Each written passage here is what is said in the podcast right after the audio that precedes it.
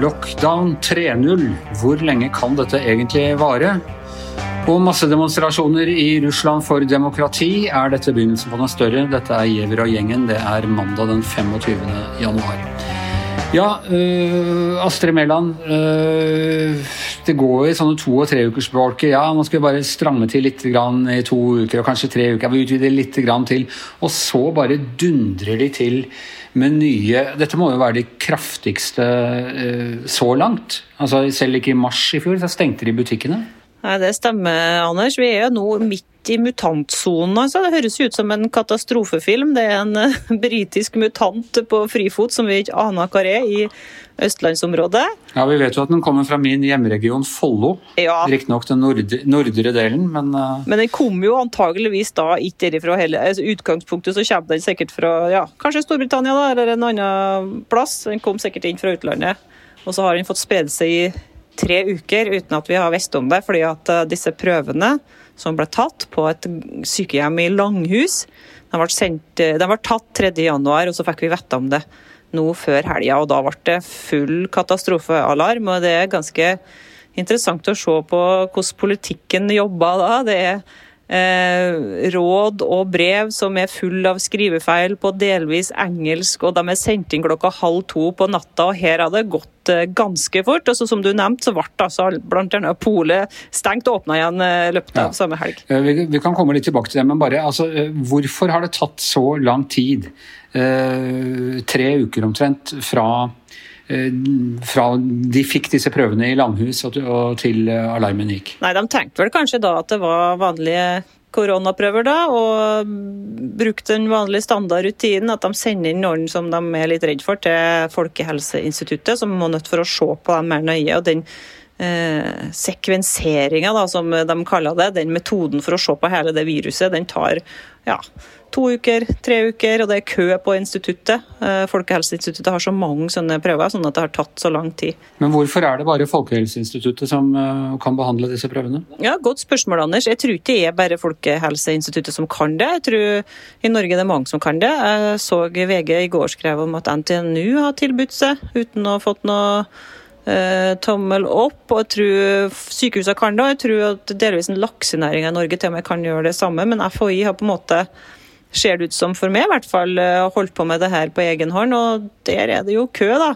Eh, Det er klart at når et virus får spre seg i tre uker, så kan det jo være overalt. sånn at vi må jo få gjort noe med den køen her. Det går ikke an å ha det sånn. Eh, Raimond Johansen, byrådslederen i Oslo, han har jo vært ganske krass i kritikken. og Jeg syns han har gode poeng. Han sier at eh, for Oslo sin del så sendte de inn prøver allerede tidligere, og de venter fortsatt på svar. Så er det jo også de som mener at Stortinget har drevet stortingsregjereri i, i dette her. At, at nå må vi faktisk dette er ikke salderingen av et statsbudsjett. dette er, Her haster det. Her må regjeringen ha eh, relativt frie tøyler til å, å kunne handle raskt og effektivt. Ja, er uenig i at eh, opposisjonen eh, ikke har noen rolle å spille her. De har absolutt en rolle å spille. Se hvordan det har gått i Sverige, der det har vært nesten null opposisjon, og der eh, politikerne har vært bare på bakrommet, mens det er fagfolka som har styrt. Det ser ikke ut som det har gått noe særlig bra. De er jo 11 000 døde, tror jeg. Um, så ja, Opposisjonen i Norge har jo vært litt daft, da, for de har drivet og konsentrert seg om uh, symbolpolitikk som det der skjenkestoppen i forrige uke, som uh, virka bare nå i ettertid hele, totalt malplassert. At Siv Jensen og gjengen fikk oppheva den nasjonale skjenkestoppen. Uh, det angrer de sikkert på nå. Uh, det ble jo bare baluba. Men, um, men når Raimond Johansen peker på det her med med eksempel fra Oslo eh, på at det tar så lang tid å få svar på, på prøver. Og tidligere har de jo både Raymond Johansen, men også Frp vært ganske kritiske til det med grensekontroll, som jeg syns har vært gode, eh, vektige spørsmål som har eh, fått i gang debatter. Og vi ser jo det at det myndighetene og FHI egentlig mente ikke var mulig tidligere i år, eller i fjor, på grensekontroll. Det er jo plutselig blitt mulig, så det går an. Så må jeg eh, si da tilbake til de konkrete tiltakene. Altså Jeg sto i Thereses gate i Bislett på lørdag morgen på den andre siden av gata for polkøen. Den var da ekstra lang fordi tiltakene var satt i gang og alle ville på på polet, så hørte ikke jeg at beskjeden kom, fordi jeg sto på andre siden av gaten, men det var tydelig at det spredde seg i køen at polet ikke kom til å åpne. Og da var det som å se sjelen til 400 mennesker eh, dø. Jeg trodde Per Olav, du kjenner jo til dette eh, jeg, tror, jeg trodde jeg så den store opprykkelsen, eller noe sånt, at, eh, som er beskrevet i Johannes' åpenbaring, at dommedag var i gang. Sånn, folk liksom bare ja, Det er vanskelig å beskrive hva som, hva som skjedde. Eh, og ja, Fælt å le, fordi jeg, er helt tilhenger at polet Det skal veldig mye til før polet bør være, være, stengt. Men på en måte så opplevde jeg det som kanskje det aller mest alvorlige øyeblikket Eh, I hvert fall siden mars. Ja, mange bega seg ut på vandring den dagen der på lørdag. Eh, og de kom hit ut som jeg bor, da, hvor eh, det fortsatt var åpne ja, pol. Selvfølgelig, for du bor over grensen til Bærum. Så det var en ørkenvandring ut hit, og der fikk de da måtte, Hvis de var tålmodige nok til å stå en time eller, eller mer i kø, og den lengste Og de satte i hvert fall rekord i polkø på mitt lokale utsalg her ute i Bærum. Det var bra de, var bra de ikke stilte, at de ikke startet den siste krigen hvor de skal stå til knes i sine fienders blod ute på Fornebulandet der, for det hadde ikke vært noe hyggelig for dere. Nei, nei jeg vet ikke om det var noen knuste rødvinsflasker oppi alt dette her virvaret. Men de har veldig streng adgangskontroll og veldig streng disiplin på hvordan man skal stå i kø og alle sånne ting, så jeg tror dette er ordnet på god måte. Men øh, jeg så mange som øh, hamset den dagen og tok bussen hjem igjen til, tilbake til byen. Og øh, Astrid, altså dette var et litt sånn panikkrelatert eh, tiltak, for det ble jo da så vi, vi var bare uten pol i, en lørdag. Eh, nå er det åpne kraner igjen. Men hva tror du det kom av at man reagerte sånn først stengte og så åpna igjen? Nei, Jeg tror at uh, det var mange ting som gikk litt fort i svingene her.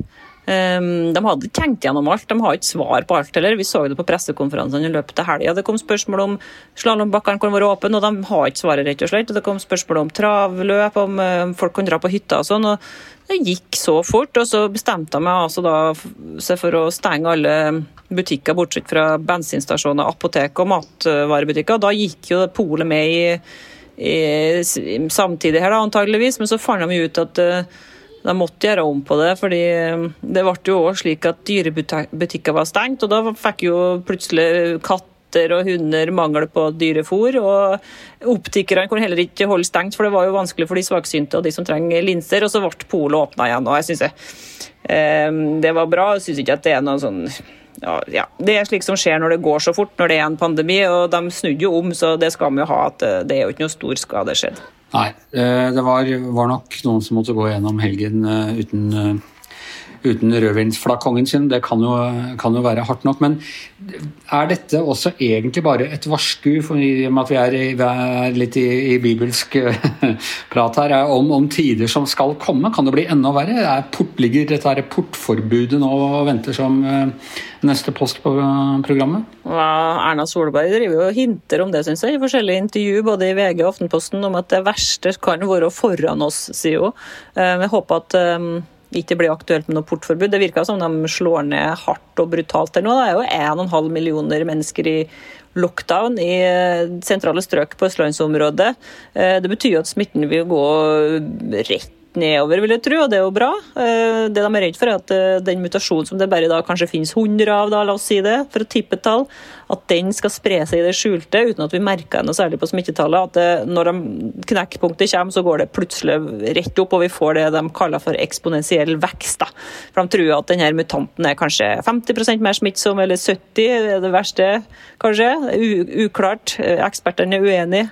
Um, hvis det, men hvis det er så mye mer smittsomt, og til og med kanskje mer dødelig, mener jo britene på toppen av det hele, sa de det før helga, ja, så betyr det jo um, overfylte sykehus. da, Det er kanskje det Erna Solberg snakka om at da får vi skikkelig problemer i helsevesenet.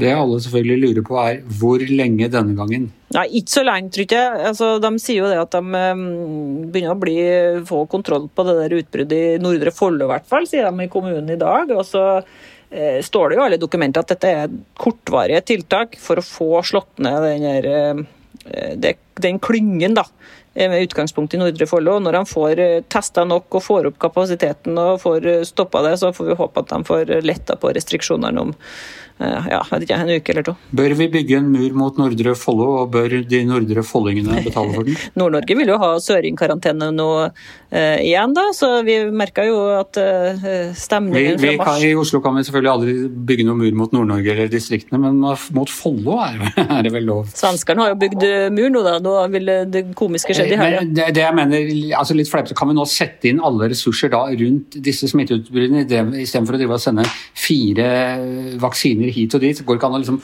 omringe problemområdene med vaksinering nå? Ja, Godt spørsmål. Det er, det er absolutt en debatt, det òg, altså. Ehm, men eh, det FHI ikke det og Høie helseministeren sier foreløpig, at de ikke vil forandre på vaksineprioriteringa. Og grunnen til det er at det tar kanskje fire til seks uker før vaksine eh, virker på topp. Og da er kanskje den mutasjonen borte, eller eh, det utbruddet i hvert fall. Ikke mutasjon, men utbrudd i Nordre Follo. Pluss at de eh, sier at de vet ikke om eh, det å vaksinere seg vil hindre at folk smitter folk videre. Selv om de altså ikke opplever sykdom, så tror de at de kan være smittsomme likevel. Men altså, det er en gamble, da. Så det går jo an å gamble på det motsatte. og Det er mye vi må gamble på i den pandemien. her, og Vi vet jo det at Viken og Oslo har vært hardest ramma i hele pandemien. Jeg gleder meg til neste pandemi. Da vet vi hva vi skal gjøre hele tiden, for da har vi vært gjennom det før. Eh, historien gjentar seg, som kjent. Eh, tre ganger. først som eh, tragedie, og så som farse. Ok. Eh, per Olav, eh, det har vært en dramatisk eh, helg i Russland. Vi snakket jo om det eh, for, før helgen også. Arrestasjonen av Navalnyj da han kom tilbake.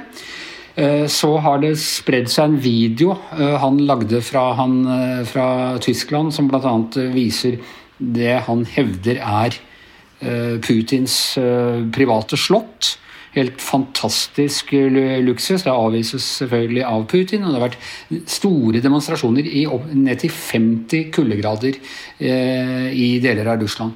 Er det vi ser nå begynnelsen på en ny sånn demokratibevegelse og, og opprør mot, mot, myndighetene i Russland, tror du? Ja, det er jo de største demonstrasjonene på mange år. kanskje på ti år. og det var jo det er i hvert fall i 107 byer og tettsteder rundt om i hele Russland. Eh, de største demonstrasjonene var jo i Moskva og St. Petersburg.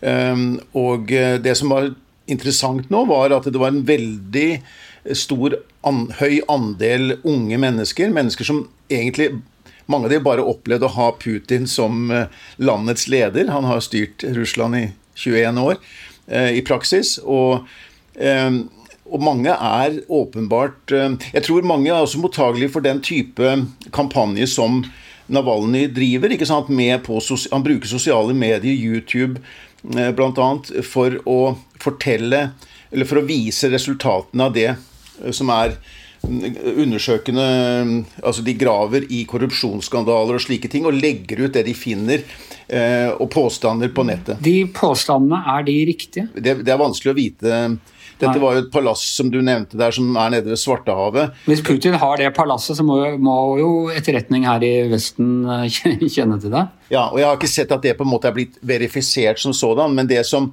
Navalny og andre Men, men det kan meget vel være at her er det eh, mye som mye det han har lagt fram tidligere, har åpenbart vært riktig. Også dette her med avsløringen av korrupsjon i statlige selskaper. Korrupsjon som går opp i toppen av systemet. Det er jo dette han har holdt på med i over et tiår, å avsløre den type ting.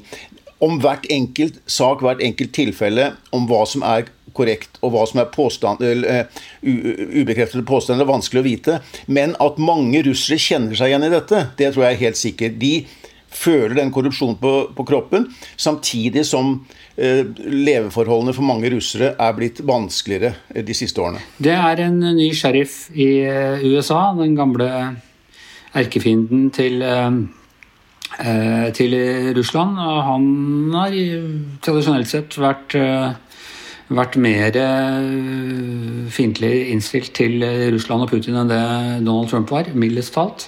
Hva vil dette Hva vil dette få å si nå, altså en sånn demokratibevegelse og eh, Biden i Det hvite hus? Ja, Joe Biden har satt ned en slags sånn eh, gruppe i, eh, i Det hvite hus og i Utenriksdepartementet som skal se på de tingene som eh, finner passende svar på det de mener er russisk aggresjon og russiske fiendtlige handlinger i senere tid, bl.a. dette her store cyberangrepet mot USA eh, i høst, som, eh, som amerikansk etterretning mener eh, Russland sto bak.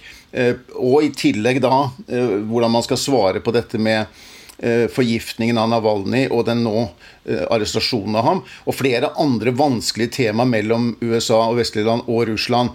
Og det har, det har, Der har de ikke konkludert ennå hvilke virkemidler skal bruke for å svare på dette.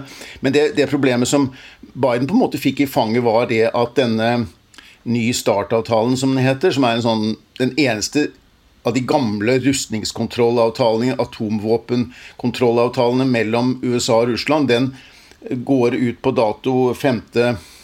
februar. Eh, og eh, det, det, det, haster å ta en beslutning når det gjelder dette. Og det eh, har jo da både nå Putin og Biden sagt at de er innstilt på å forlenge i fem år.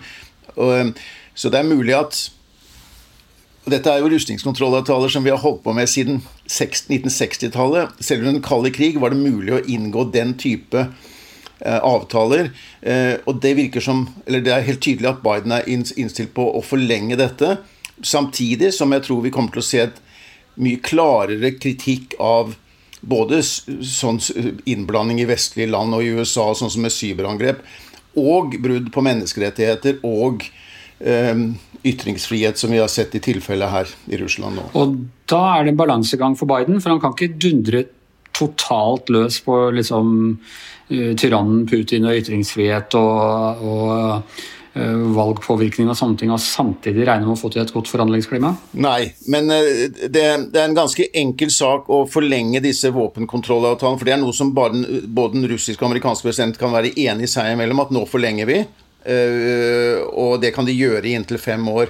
Um, dette er jo en avtale som ble til for ti år siden, men den bygger jo på tidligere avtaler, rustningskontrollavtaler. Og der tror jeg begge har en felles interesse. Ja, altså Biden, Biden var rett og slett involvert forrige gang? Eh, ja, ja. Da avtalen ble Ja, da var det Medvedev som da var president i, i Russland en, kort, en, en periode, da. når før Putin. Han var lærervikar mens Putin hadde, var ute og lufta seg. Ja, men lufta. Nå er de, nå er de Putin hadde sabbatsår. Ja, men nå har de opphevet de der, eh, og forordningene som gjorde at man ikke kunne sitte sammenhengende over mange perioder. Nå kan Putin regjere på så lenge han bare vil. Men det er klart disse demonstrasjonene vi har sett i helgen, er en sterk tror, har, Det minner jo litt om Hviterussland, men i Hviterussland så pågikk det da var det enda større demonstrasjoner. Pågikk, pågikk hver helg. Men det har ikke ført til et regimeskifte i Hviterussland. Det som har skjedd i, i Russland denne siste helgen, kommer sannsynligvis til å bli gjentatt kommende helg det var ikke så stort Det var stort i Russland, ikke så stort som det var i Hviterussland. Og um, det, er, det skal nok mye mer til for å virkelig true Putins eh, kontroll over det landet. Det var det, men det var protester mot tsaren år etter år etter år, etter år, og så plutselig kom det en protest for mye, så vi, um, vi får se. Uh, Giæver og gjengen er over for denne gangen. I hvert sitt hjemmestudio Per Olav Ødegaard, Astrid Mæland, jeg heter Anders Giæver, og produsent og toastmaster ved Lammets bryllup er som vanlig Magne Antonsen.